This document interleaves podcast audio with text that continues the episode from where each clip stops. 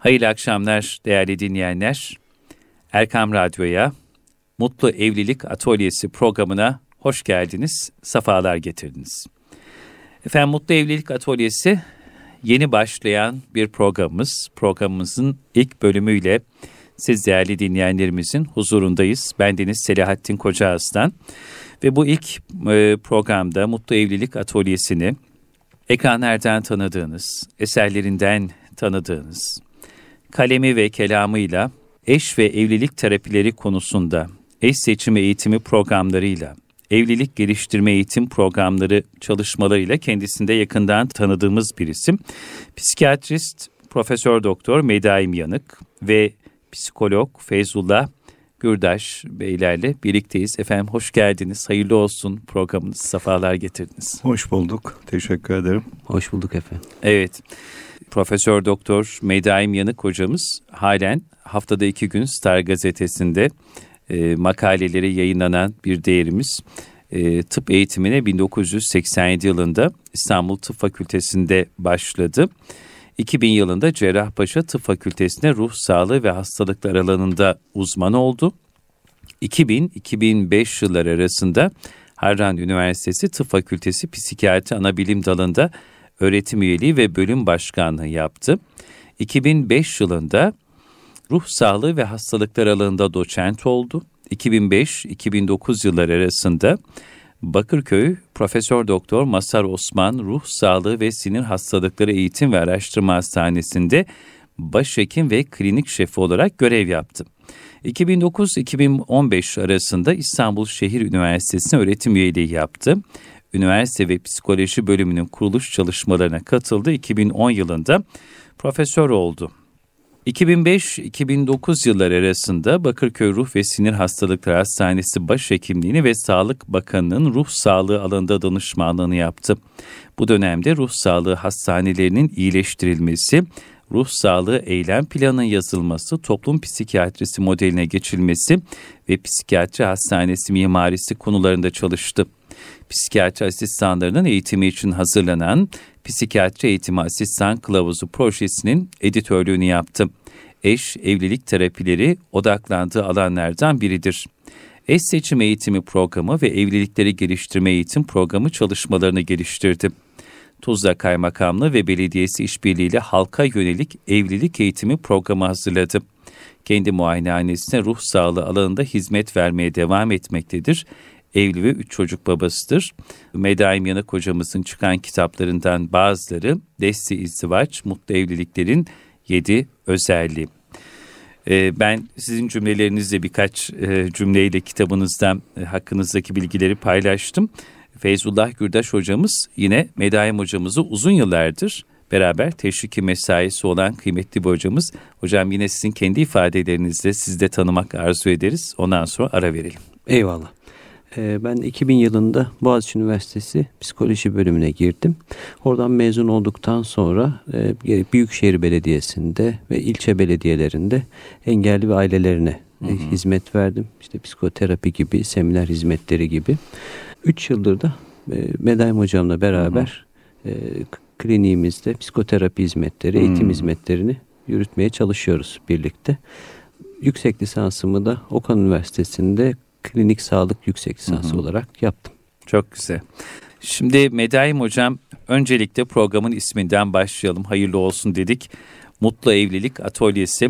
Bu sizin e, Feyzullah Bey'in uzun zamandır aslında üzerinde çalıştığınız, hakkında kitaplar kaleme aldığınız, danışanlarınıza bu noktada hem birikimlerinizi, tecrübelerinizi paylaştığınız bir saha ama dinleyicilerimiz şunu merak edebilir. Bugün e, böyle bir programa neden ihtiyaç duydunuz? Medaim Bey, Feyzullah Bey, Mutlu Evlilik Atölyesi programıyla aslında neyi hedefliyor? Bu programda siz dinleyenlerimize ne vereceksiniz? Gündeminizde daha çok hangi konular olacak? Biraz bize ilk ağızdan programı anlatabilir misiniz efendim? Ee, programımız evlilikler üzerine olacak. Yani evlilikler, ilişkiler eksenli hı hı. bir psikiyatri psikoloji programı olacak. Niye mutlu evlilik atölyesi? Aslında üç kelimeyi de önemseyerek bir araya getirdik. e, mutluluk kelimesi, mutlu e, evliliği önemsiyoruz. E, modern dünyada evliliklere karşı e, bir negatif, bir sinik bakış açısı var. Evliliklerin fonksiyonel olduğunu, kutsal olduğunu, işlevsel olduğunu düşünüyoruz. O yüzden evliliklerin daha iyi hale nasıl gelebileceği üzerine konuşacağımız bir şey olacak. Mutluluk kavramını önemsiyoruz. Hı hı. Bunun yabancı bir kavram olmadığı kanaatindeyim evet. ben. İster saadet kelimesiyle, hı hı. ister huzur kelimesiyle karşılayalım. Ee, mutluluğun insanın yeryüzündeki varoluş amacı değil ama var olurken yolculuğunu yaparken hı hı. huzur içinde yapabileceği bir şey işaret etmesi anlamında e, mutluluk ve toplam mutluluğumuzu belirlemede evliliğin önemli belki de en önemli bir faktör olduğunu düşündüğümüz için evlilik meselesini konuşacağız. Atölye meselesinden e, kastımız da şu teorik konuşmakla beraber oldukça pratik önerilerde de bulunacağız. Yani çünkü evlilik için mutlu bir evlilik için bir düzeyde bilgi sahibi olmamız gerekiyor. Bir takım tavsiyelere kulak vermemiz evet. gerekiyor. Hı hı. Ama daha önemlisi bir takım pratik beceriler edinmemiz gerekiyor. Hı hı. Ben aynı zamanda evlilik araştırmaları yapan, evlilik dersi veren, e, evliliklerle uğraşan, yazan, çizen biriyim. Bazen eşler aslında birbirleriyle uyumlu, birbirleriyle sevgileri de var. Ama bir takım davranış kalıplarında problemler olduğu zaman, bir takım ilişkiyi yürütebilecek yeteneklerde iyi olmadıkları zaman e, normalde uyuşabilecek, olumlu olabilecek kişilerin tekrarlayıcı kavgalara döndüğünü ve evliliklerini zorladıklarını, çatışmalı bir hale getirdiklerini biliyoruz. Benim iddiam şu, nasıl sağlığı geliştirmek gibi, nasıl diyelim ki el hijyeninin kurallarını öğrenmek gibi bir evlilik ilişkisinde iyi uygulamalar öğrenilebilir. Bizim programımız bu anlamda aslında teoriyle pratiği birleştirecek bazen araştırmalardan bahsetsek bile eninde sonunda bunu damıtarak somut bir öneriye getireceğimiz bir hal olacak. İnşallah. Feyzullah Hocam siz mutluluk, mutlu evlilik atölyesi hakkında neler söylemek istersiniz? Bu atölyede sizin pencerenizden baktığımızda dinleyicilerimiz neler bulacak? Öncelikle çok teşekkür ederiz bize bu fırsatı verdiniz. İnşallah bu program ve devamındaki haftalarda biz e, hocamın da bahsettiği gibi her hafta belli bir konuyu işleyip ama hep ilerleyen bir e, halde kişilere kullanabilecekleri, hayatlarında hayata geçirebilecekleri önemli bilgiler, bunun ötesinde belki beceriler kazandırmak istiyoruz. Bu konuyu oldukça önemsiyoruz. Çünkü hem e, Türkiye'de hem de dünyada evlilikler e, sürekli tartışılıyor. İşte belki şu soruları yanıt arayacağız. Türkiye'de evlilikler nereye gidiyor? Hı hı. E, boşanma oranları e, bunun üzerinden e, evliliklerin sıhhati, belki mutlu evlilik mümkün hı hı. mü? Böyle bir formül var mı? Dolayısıyla insanlara yardımcı olabilecek belki içerisinde hocam da dediği gibi hı hı. pratik bilgilerin olduğu bir dizi program olacak ve odağımız hep eş ilişkileri ve aile olacak. Bunu önemsiyoruz. İnşallah hayırlara vesile olur. İnşallah. Tabii hocam şimdi yeni evlenecek olan çiftler için değil mi eş adayları için ya da evlilikte işte ilk beş sene çok önemli denilir. İlk üç sene çok önemli çünkü çok yapılan bir araştırmaya göre ki siz çok daha iyi bilirsiniz. Boşanma oranlarının en yüksek olduğu dönem o ilk 3 yıl 5 yıl içerisindeki dönem deniliyor. Çok doğru.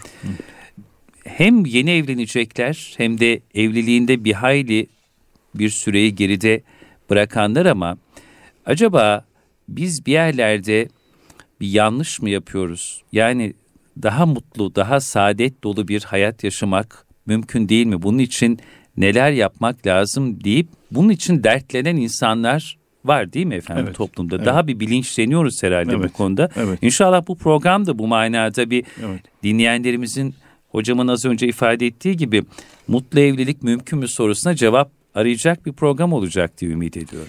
Tam da bu soruyu soracağız. Hani po- bakışımız pozitif. Evet. Ama gerekçeli bir pozitif sunacağız. Hmm. Yani derken e, şöyle evliliklere baktığımız zaman aslında en genelde bir ortalama evliliklerden, hı makul evliliklerden bahsedelim. Ama bir tarafta evliliği gerçekten zorda olan insanlar, çiftler var, eşler var. Aşağı yukarı toplumun bir yüzde on, on beşi evliliğiyle ilgili ciddi sorunlar yaşıyor. Belki bir yüzde beşi artık çekilmez bir ilişki içinde.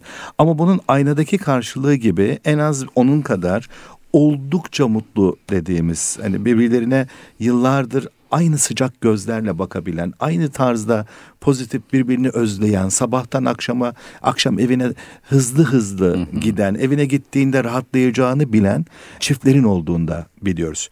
Ortadaki çiftler ise zaman zaman bir tarafa, zaman zaman öbür tarafa dağılıyor. Ama toplumda toplamda aslında yüzde altmışlar civarında insanlar evliliklerinden memnun olduklarını iyi olduğunu hmm. ifade ediyorlar. O yüzden hani evlilikler eninde sonunda bit, o, o olumsuz olur. Hmm. Tadı tuzu kaçar. E, kötülükle sonuçlanır. Ya istemeden idare edilen, e, yürütülen bir şey olur. Tezi aslında doğru değil. Niye doğru değil?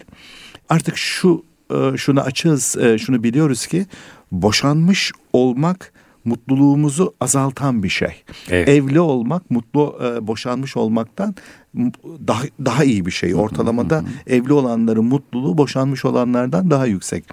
Diğer formüller de doyurucu değil. Hani arada bulunan evlilik dışı ilişkilerde yaşanan şeylerin kişileri daha mutlu et, etmediğini Batı literatürde dahil olmak hmm. üzere çok net bir şekilde biliyoruz. Evlilik hele yolunda giden bir evlilik insan mutluluğu için en temel unsurlardan biri hala. Hem de insan sağlığı için aslında tabii fiziksel insan sağlık sağlığı için, için, hayat kalitesi için de öyle. Ve tabii bir toplumun sıhhati içinde mutlu evliliklerin ne kadar önemli bir rol oynadığı hepimizin malumu. Yani o bakımdan bu atölyenin ben çok ciddi takipçileri olacağını düşünüyorum. Çünkü bakıyoruz son yıllarda özellikle hocam belediyelerde inanılmaz derecede kültür merkezli, belediyelerin kültür merkezlerinde aile okulları açılıyor. aile okulları açılıyor. Hatta kimi belediyeler, yerel belediyeler evlilik öncesi böyle bir okulu hayata geçiriyorlar ve nikah için başvuran çiftlere evlilikten önce böyle bir eğitime tabi tutarak evlenin çok daha doğru ve iyi bir şey yapmış olursunuz diye yönlendiriyorlar. Yani bu noktada bir bilinçlenme de var anlaşılan. Bu bir bilinçlenme aynı zamanda aslında şunu gösteriyor. Bir ihtiyacı belediyeler görmüş durumda ve buna tepki veriyorlar. Bakın aslında aynı şey bu evlilikleri geliştirme meselesi e, batıda 1960'lı yıllarda şu anda bizim yaşadığımıza benzer bir çıkış var. Orada da istatistiklerde bir e, kötüleşme görülüyor. E, evlilikte boşanma oranlarında bir artma oluşmaya başlıyor. Hmm. Evliliklere karşı daha bir olumsuz bakış açısı oluşmaya çalışıyor. İlk tepki kiliseden geliyor 60'lı yıllarda. Kiliseden birileri diyor ki ya ne oluyor evliliklerimize? Bunları bozulmadan acaba düzeltebilir miyiz? Bu evliliği geliştirme eğitimlerinin ilki batıda e, kiliseden başlıyor. Sonra buna üniversiteler eşlik ediyor. Sonrasında alan genişliyor. Mesela evet. diyelim ki şu anda bizim yaptığımız bu işi bir Amerika, bir Avrupa örneğinde eş zamanlı yüzlerce ayrı kişi yapıyor. Şimdi bence Türkiye'de de e, batıdaki ailenin değişimiyle ilgili trend bize de geldiği için şu anda birçok kesim toplumdaki farklı kesimler ya ailelere yardımcı olmak gerekiyor. Evliliklerde bir değişim var, bir zorluk var. Hmm. Buna karşı bir tepki geliştiriyor. Şimdi bizde enteresan ilk tepkiyi belediyeler verdi. Niye? Belediyeler halkın en fazla içinde evet. ve en somut şey yapıyor. Mesela diyelim ki psikoterapi merkezlerinde psikoterapi hizmeti vermek belediyelerin işi mi? Değil. Üniversiteler bu hizmeti yeterince veremediği için, devlet hastaneleri bu hizmeti e, veremediği için diğer sağlık şeyleri veriyor ama bunu veremiyor. Belediye tak diye psikolojik danışma aile merkezleri kuruyor. Niye? Şu anda devletin herhangi bir mekanizması içinde e, bir hastanenin içerisinden aile terapisi, eş terapisi almak mümkün değil. Aslında belediyeler somut bir şeye tepki veriyor. Fakat problem şu bu türden programların içerikleri iyi yapılandırılmış değil. İçeriğine iyi çalışılmış değil. Artı kalıcılık sağlayamıyor. Yani yoksa diyelim ki Diyanet de bunun farkında. Diğer kurumlar da farkında. Türkiye'de şu anda evlilikler üzerine insanlarımıza yol gösterecek, bir, bir takım tavsiyelerde bulunabilecek, pratik beceriler kazandırabilecek eş zamanlı programlara ihtiyacımız var. Sanırım bu programda bunun araçlarından bir tanesi olacak. Evet inşallah. Hocam e, ruh sağlığı alanında hizmet veriyorsunuz. Evet. Yıllar içerisinde ne çok insan hikayesi birikmiştir sizde. Evet galiba e, hayatım hikaye Değil mi? dinlemekle geçiyor. Hikaye dinlemekle. Doğrusu bun- bundan dolayı da kendimi şanslı hissediyorum. Evet. Yani hikaye dinlemek herhalde bir insan tekine e, nasip olacak en güzel Öyle. şeylerden Müthiş biri. bir zenginlik. Evet, müthiş, Müthiş. bir zenginlik. İnsanı tanıyorsunuz. Evet. Hayatı her gün sizin karşınıza çıkan farklı farklı insanların hikayelerinden yola çıkarak o hayret ve şaşkınlık duygunuzun her daim diri ve canlı olduğuna şahitlik ediyorsunuz. Evet. Değil mi? Ne Evet. hikayeler ne insanlar var. Doğrusu bu hikayeler bizim aynı zamanda öğrenmemizin de en önemli kaynağı. Evet. Şimdi Doğru. diyelim ki bir şey öğrenmek istiyorsanız bence bir en önemli öğrenme bu öykülerden öğrenme. Evet. Ama aynı zamanda diyelim ki öğrenmeyi çeşitlendirmeniz gerekiyor. Be- Benim belki de avantajım hani evlilikler üzerinde konuşma hakkı nereden geliyor bana? O cesareti nereden buluyorsun? Ben şöyle izah ediyorum bunu. Üç sene eş ilişkileriyle ilgili üniversitede ders verdim. Bu sene dördüncü şeyde e, İbn Haldun Üniversitesi'nde Çok güzel. aile Hı. ve eş ilişkileri yüksek lisans dersi vereceğim. Daha Dör- önce hangi üniversitede? Ee, Şehir Şehirde- Üniversitesi'nde şehirde. 3 yıl Hı, verdim. Çok güzel. Şimdi bu dördüncü yıl çok vereceğim. güzel.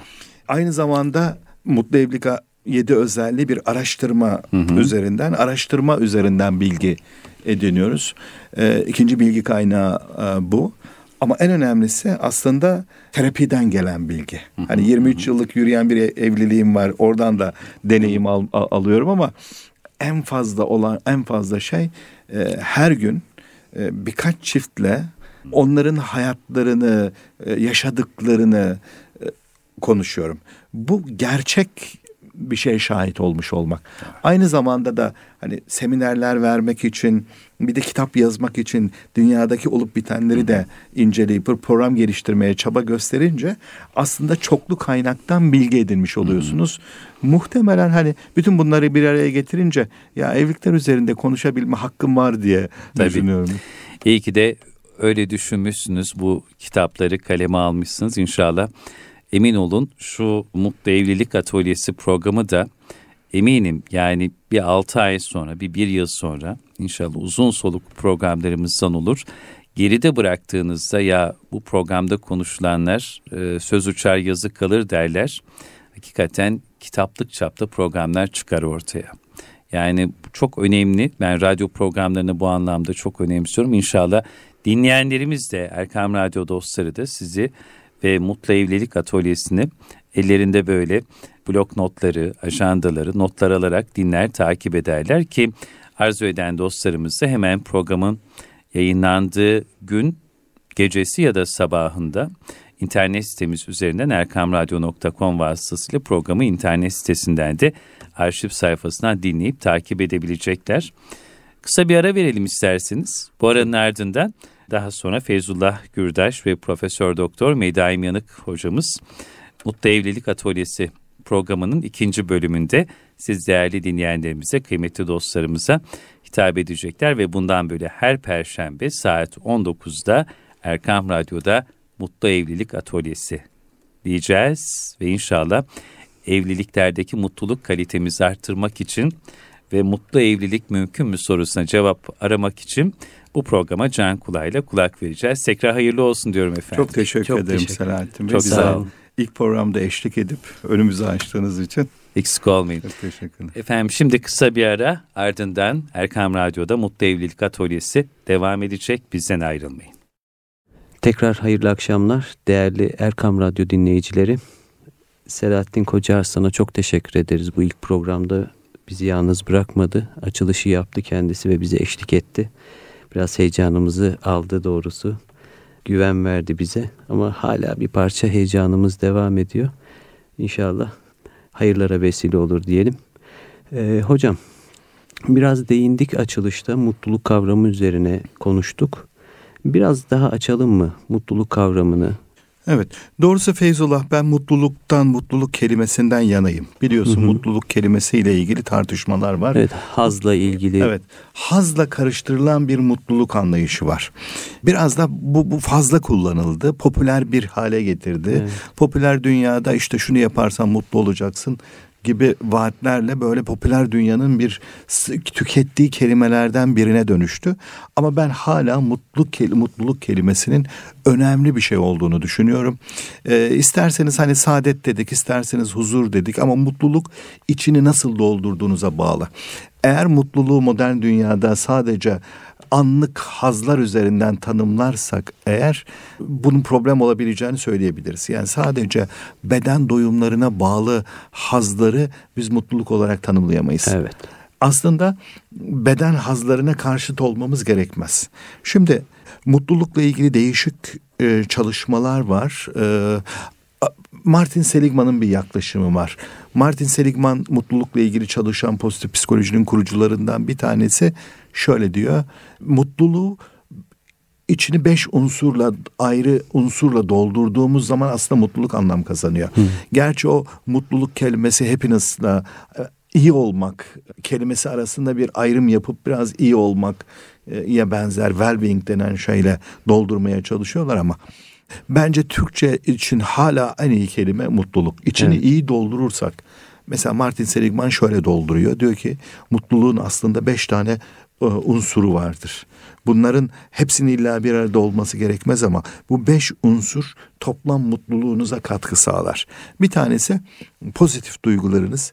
İkinci uğraştığında bir akış yaşantısı yaşadığınız şeyler. Üçüncüsü başka insanlarla yaşadığınız olumlu ilişkiler. Dördüncüsü hayata verdiğiniz anlam beş başarı. Hı hı. Şimdi bunların e, her biri aslında mutluluğa katkı sağlayan ayrı unsurlar gibi düşünmek lazım. Ya da birer katman gibi belki. Bu birer katman. Bunlar bir araya geliyor. Aslında mutluluk dediğimiz şeyi oluşturuyor. Evet. Ve hep beraber oluşturuyorlar. Modern kültürde mutlulukla ilgili en büyük eleştiriler mutluluğu sadece hazcılık olarak adlandırmaya dayanıyor. Ne yapacaksın? Hani şunu yiyeceksin, şurada gezeceksin, işte şununla o burada olacaksın eşittir mutluluk. Halbuki bu sadece hazı tanımlıyor. Aslında pozitif duygu dediğimiz şeyde bunlardan e, bunlara karşıt olmak gerekmiyor. Çünkü e, şöyle düşün. Hani Hazreti Peygamber'e haber geliyor. Diyor ki işte filan sah- sahabeden filan kişiler işte geceleri hiç uyumamaya, e, biri hiç yememeye, evlenmemeye niyet ettiler diyor. Hazreti Peygamber onlara bir nevi serzenişte bulunuyor, kızıyor.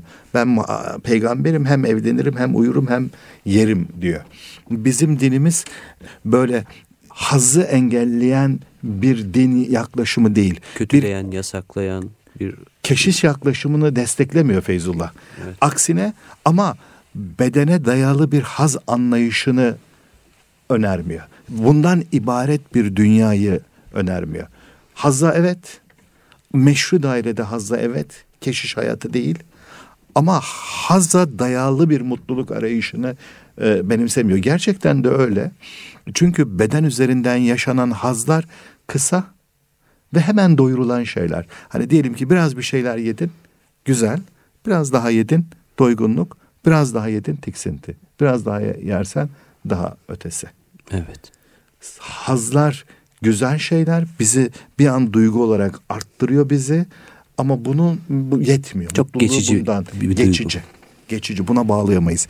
Ama diyelim ki hani bunlardan da kendimizi alıkoyamayız. Allah bize hem yeryüzünde hem öbür dünyada bir takım hediyeler veriyor, nimetler veriyor. Yani bu nimetler yokmuş gibi, bu nimetlere bu, e, bu kafanı arkanı dönmek gibi, bunları değersiz görmek gibi şeyler bence yanlış. Ama bunlardan ibaret insanlar olmak bizi sığ, yüzeye aslında temelde de mutsuz kılar. Çünkü bunlar kalıcı bir mutluluk sağlamıyor. Anlık olarak bizi yükseltiyor, orada bırakıyor. Yani tüketerek aslında mutlu olunmuyor. Şey, Tüketerek dek. mutlu olunmuyor. Ama yanına diyelim ki makul derecede Allah'ın nimetlerinden faydalanıyorsunuz, yiyorsunuz, içiyorsunuz, geziyorsunuz. E, zaman zaman ruh halinizi iyi şey edecek şeyler e, yapıyorsunuz, cinsellik yaşıyorsunuz. Ama yanına diyelim ki daha derinlikli şeyler yapıyorsunuz. Bu e, akış denen bir hal var. Belki Türkçe'de buna vecd diyeceğiz. Evet. Vecd hali. Öyle bir şey olsun ki hayatınızda bunu yaptığınızda zamanın ve mekanın koptuğu bir hale gelin. Öyle bir şey ki bu. Diyelim ki marangozsunuz bir ahşapla uğraşıyorsunuz. Öyle bir hale geldiniz ki saatler geçti. Yaptığınız şeyle öyle bir bütünleştiniz ki.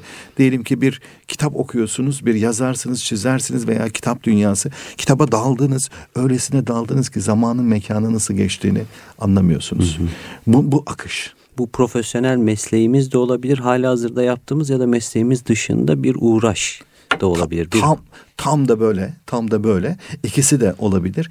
Eğer bu işi iyi yapmaya başlıyor, burada ustalaşıyorsak, hı hı. orada giderek diyelim ki daha iyi yaparken işin zorluğunu biraz daha arttırıp ama bak ustalaşmak. Yani sıradan yemek yapmak akış yapmıyor. Hı.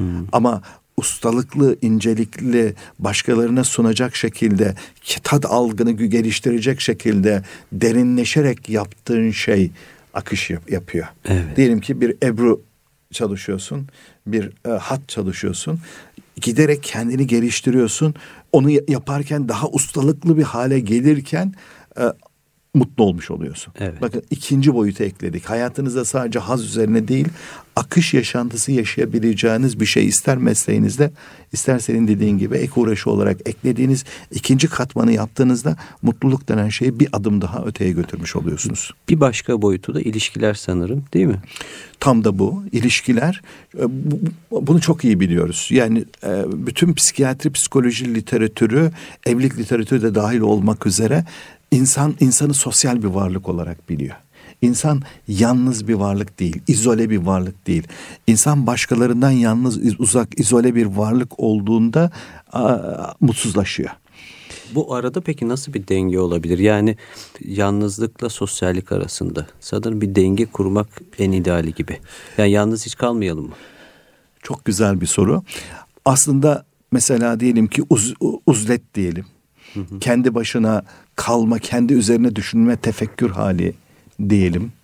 Bunlar çok kıymetli şeyler. Bakın bunlar aslında yalnızlıktan kastımız başka hayatımızda eşimiz, çocuğumuz, ailemiz, akrabalarımız, dostlarımız bunları terk edip bunlarla sosyal ilişkiyi kurmayıp yalnız başına biraz kalma haline yalnızlık diyoruz. İzole. İzolasyon. Hı hı. Tek başına bağı kaparıyor insanlardan. Hı hı. Ama bir insanın diyelim ki tek başına kalıp tefekkür etmesi, ibadet etmesi, anlamaya çalışması aslında bu bir yalnızlık değil. Yani Hazreti Peygamber ne yaptı? Hira'ya çekildi, yalnız başına kaldı sonra topluluğun içine girdi.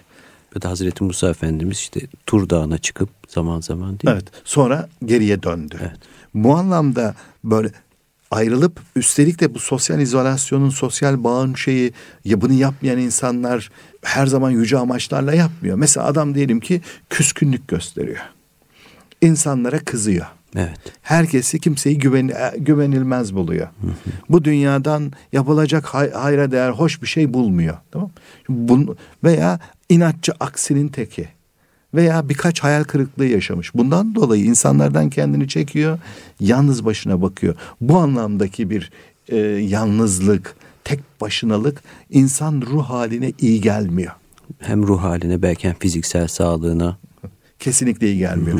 Bunların bir de ilişkilerin hani iyi kötü olması zaten iyi ama ne kadar pozitif ilişkiniz var ise o kadar da iyi oluyor hani meşhur Harvard çalışması var ya. Evet. Tam belki da, ona da ona da bir ara bir değinmemiz gerekecekti evet, geniş geniş. Evet.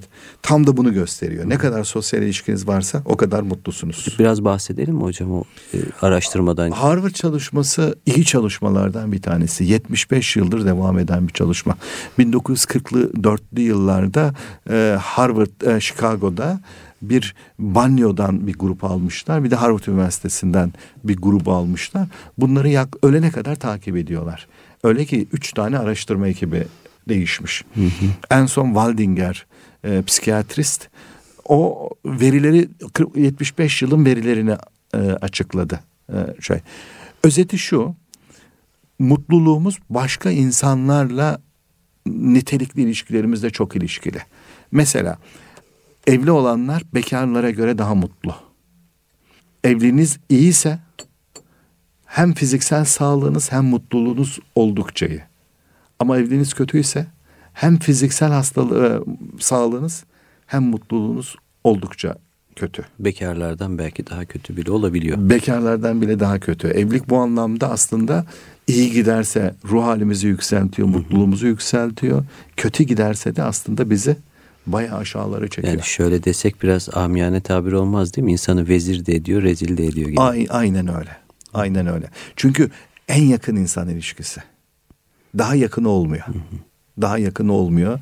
Ee, sık birliktelik, yüksek sorumluluk mutlaka sevgi gerektiriyor. Mutlaka bir e, uyum gerektiriyor. Ortak çalışmayı gerektiriyor. Evet. Hani diyelim ki bir patronunuzla iş yerinizdeki biriyle problem olduğunda uzaklaşabilirsiniz. Ama eşinizle uzaklaşma şansınız yok. Uzaklaştığınız zaman bir evlilik ilişkisini sürdürebilmek mümkün olmuyor. Kötü fikir. Peki hocam bu araştırma üzerinde para, maddiyat? Para enteresan e, birçok sosyal psikoloji çalışmasında ortak veri şu. Para bir yere kadar mutluluğumuzu arttırıyor. Yani doğal ihtiyaçlarınızı giderecek, eğitim ihtiyaçlarınızı giderecek, seyahat edebileceğiniz düzeyde bir paraya ihtiyaca kadar mutluluğunuz artıyor. Ama diyelim bunu sağladıktan sonra paranızın artması mutluluğunuzu arttırmıyor. Hatta daha fazla para kazanmak için e, eşinize vakit ayırmazsanız, çocuğunuza vakit ayırmazsanız, dinlenme zamanı oluşturmazsanız mutluluğunuz azalmaya başlıyor. Daha fazla para kazanacağım diye Bu sefer aslında mutluluğunuzu azaltan bir yaşam temposuna dönebiliyorsunuz. Evet. Bu şeyin e, Seligman'ın kavramlarından devam edelim hocam isterseniz. Mutluluğun birkaç katmanından, boyutundan bahsettik. Po- tekrarlarsak. Evet, pozitif duygu dedik. Evet. Bizi zaman ve mekandan kopacağımız kadar akış yaşantısı dedik. Evet. Başkalarıyla özellikle eşlerimizle olumlu ilişkilerden bahsettik. Ki, ki bizim e, belki haftalar sürecek bu programın ana şeyi bu. Bunun üzerine evet. yoğunlaşacağız. Dördüncüsü anlam. Yani hayatı yaşamak için yaşamın anlamı, varoluşun anlamı, yeryüzünde var olmanın anlamı kişinin eğer e, ruh sağlığının bütün şeyinde biliyoruz bunu. Kişi yaşamı sadece maddi unsurlardan değil bir anlam için anlamla beraber algılarsa, yaşama değer bir şey bulabilirse, ben şunu yapmış olmam şu şeye hizmet ediyor. Daha büyük bir şeyin parçası olursa, isterse bu bir dinin, bir cemaatin, bir idealin, e, bir parçası olmak insanları daha mutlu kılıyor. Hatta yokluğu çok zorlayıcı bir şey. Yani, Anlamsızlık hissi insana acı veren bir şey. Depresyonda çok yaygın görülüyor hocam. Yaşamın anlamı kayboluyor. Aynen anda. öyle. Varoluşçu psikoterapilerinin temel meselelerinden bir tanesi anlam kaybı aslında eşittir depresyon. Hı, ama anlam da olduğu zaman hayatımızda müthiş bir şey oluyor aslında. Evet. Beşinci unsur başarı. Aslında hani bazı insanlar değil, e, hayatta gerçek sahici bir şey yapmış olmak, bir şeye yaramak, bir şeyleri bu, bu, bu illa böyle hani başkalarıyla yarışarak bir şey elde etmekten bahsetmiyorum. Aslında Ama diyelim ki biraz üretmek, üretmek gibi mi? Tüketmek mutlu etmiyor, üretmek evet. sanki biraz. Üretmek, ortaya bir şey koymak. Bir şey koymak. Ben şunu yapmış ol, yaptığım bir şeyin hikayesini yapmak. Yani bu bir çocuk yetiştirmek olabilir, bir işletme kurmak olabilir, bir kitap ortaya çıkarmak olabilir ben yeryüzünde şunu ürettim, şunu yaptım, şunu başardım. Şöyle sıcacık çıtır çıtır bir simit, çok başarılı bir simit ustası belki olmak. Yani mutlaka kariyer anlamında bir evet. başarıdan bahsetmiyoruz. Kariyerist bir yaklaşımdan bahsetmiyoruz ama hayatın içinde ben anlamlı bir şey yaptım, şunu başardım. İşte şu kadar çocuğun eğitimini tamamladım. Şu kadar kişiye şunu öğrettim. Şu kadar fakire şöyle yardım ettim. Ben diyelim ki şu malzemenin şunun üretimini sağladım. Şu kitabı yazdım. Şu dersleri verdim. Şu öğrenciyi e, e, yetiştirdim. Anlamlı bir e, değerli bir şey yaptığını düşünme. Bu his kıymetli bir his oluyor galiba. Evet mutluluğu da böyle açtıktan sonra mutluluktan neyi kastediyoruz? Mutluluk kavramından neyi kastediyoruz? Ee, bir hazcılığın ötesinde ne demek mutluluk? Biraz bunu açmaya çalıştık ve bu e, Seligman'ın modelin içerisindeki bu ilişkiler boyutunda da özel olarak aslında eş ilişkileri. Evet. Değil mi? Bundan da bahsettik. İnsanın mutluluğunu etkileyen en önemli faktörlerden biri. Evliliklerin iyi ya da kötü olmasını aslında biraz konuştuk. Neyi etkiliyor, neleri etkiliyor. Peki hocam şey var mı yani bu e, girişte biraz bahsettik ama bu mutlu evlilik var mı gerçekten insanlar mut, evliliklerinde mutlu olabiliyorlar mı? Çünkü biz hep üçüncü sayfada boşanma, işte cinayet, e, birçok dramlara şahit oluyoruz. Galiba mutlu evlilikler bize pek gösterilmiyor. E, tam da tam da öyle Feyzullah. Yani e, mutlu evlilikler gözlerden uzak. Yani biliyorsun e, mutlu evlilik araştırma yapma sürecinde beraber yaptık. E, evet. Bütün sürece şahitsin. Bu sanki insanlar evliliklerin iyi olmadığına dair bir kanaat, bir negatif kanaat var dünyada. Böyle bir negatiflik yayılıyor evlilikler e, üzerinden. Evlilikler sanki iyi olmayacak. İyi evet. evlilikler yokmuş gibi. Niye oluyor böyle bir şey? Çünkü negatif olanın temsili çok yüksek. Adam e, köpek adamı ısırdığında haber olmuyor evet. ama adam köpeği ısırınca haber oluyor. Aynen öyle. Daha çok bir, dikkat çekiyor. Evet. Bir ölüm olunca, dramlar, boşanma trajediler. olunca, trajediler insanların gözüne daha fazla getiriliyor. Ama mutlu olan evliliklere kimse mikrofon uzatmıyor. Biz uzattık değil mi hocam? Evet. Tam da bunu yaptık zaten. Şimdi mesela o açıdan gerçekten de sahici ve büyük bir iş yaptık. Yani Türkiye'nin ilk defa bu, bu anlamda diyelim ki hani pozitifleri bakan, o pozitifleri bir araya getiren, onların toplam resmini çizme anlamında bence hayırlı bir iş yaptık. Bizim Mutlu Evliliklerin Yedi Özelliği kitabı bu araştırmanın üzerinden çıktı ve aslında şaşırtıcı yani aslında varmış ama şaşırtıcı öyküler çıktı. Evet. Kimse mikrofonu uzatmadığı kişilere mikrofon uzattık. Sağ olsun onlar da bizi kırmadı. Bence bunu çok yapmamız lazım. Yani negatifin temsili çok yüksek. Pozitifin de temsilini açığa çıkarmamız lazım. Ama bu temsili yani sadece açığa çıkarmak olarak değil de biz buradan hani evliliklere belki iyi gelecek ortak özellikler bulmaya çalıştık. Yani bu ne yapıyorlar da bu insanlar mutlu oluyorlar? Acaba biz bunu kullanıp evlilikleri geliştirebilir miyiz? Yani hep negatife bakıp şunları yapmamalıyız, bunları yapmamalıyız. İşte kötü evliliklerde şunlar oluyor demek yerine bakın iyi evlilikler var ve onlar şöyle davranıyorlar eşler birbirine ya da şöyle yapıyorlar. Söylediğin meselesi. şeyin iki açıdan büyük önemi var. Bir, hani negatifi sadece sıfıra, nötre getirmek yetmiyor aslında. Evet. Onunla uğraşıyoruz. Çünkü ne yapmamalı sorusunu so, e, düzeltmeye çalışıyoruz. Evet. Çatışmaları azaltıp kişileri sıfıra getirmeye çalışıyoruz. Ama aslında bir evliliğin, bir ilişkinin iyi gidebilmesi için sıfırın üzerinde pozitiflerin ağırlıklı bir oran olması lazım. Hani biliyorsun meşhur evlilik araştırmacısı John Gottman e, beşe bir oranını veriyor. Yani bir evlilikte beş tane pozitif yaşantıya karşı bir negatif yaşantı evliliği dayanıklı kılıyor. Evet. Şimdi e, mutlu evliliklerde hangi özellikler var da bunlar mutlu oluyor? Onları mutlu yapan şeyler nedir diye bakıp bilgiyi oradan alıp toplumsal kitlelere yaymak daha mantıklı. Yoksa negatifi alıp hani bunun tersini yapmayın bunlar kötü geliyor. E öyle de o ancak nötre getiriyor. Ama diyelim ki pozitiflere baktığında bunların alışkanlıkları nedir diye bakıp bilgiyi, örnekliği oradan alıp oradan e, çerçeveyi oluşturup toplumsal katmanlara ya, e, yaydığınızda daha doğru bir iş yapmış oluyorsunuz. Normali belki idare eden evlilikleri daha iyi hale getirebiliyoruz. Tam taraftan. da bu. Zaten bizim yapmaya çalıştığımız Mutlu Evlilik Atölyesi'nde de yapmaya çalıştığımız şey tam da bu. Normali geliştirmek. Evet. Bu aynen e, şey gibi sağlığı geliştirmek gibi bir şey. Sağlığımız bozulmadan nasıl ilerletmek, geliştirmek istiyorsak aslında evlilikleri de kötüye gitmeden daha iyi bir halde nasıl tutabiliriz? Evet. Hocam bu noktada belki bitirmeden önce konuşuyoruz iyi evlilikler, onların özellikleri var. İşte onlara baktık bir araştırmadan bahsettiniz. Birlikte yaptığımız bir araştırmaydı üniversitede. E, sağ olsunlar e, iyi evlilikleri olan kişiler e, bize kapılarını açtılar. Onlarla derinlemesine sohbet yapma imkanı bulduk ve onlarla konuşmalarımızdan çıkardığımız bir sonuçlar var. Dilerseniz programı kapatmadan önce hani bundan sonrası için de belki bir virgül olur. Buradan devam edeceğiz çünkü önümüzdeki programda.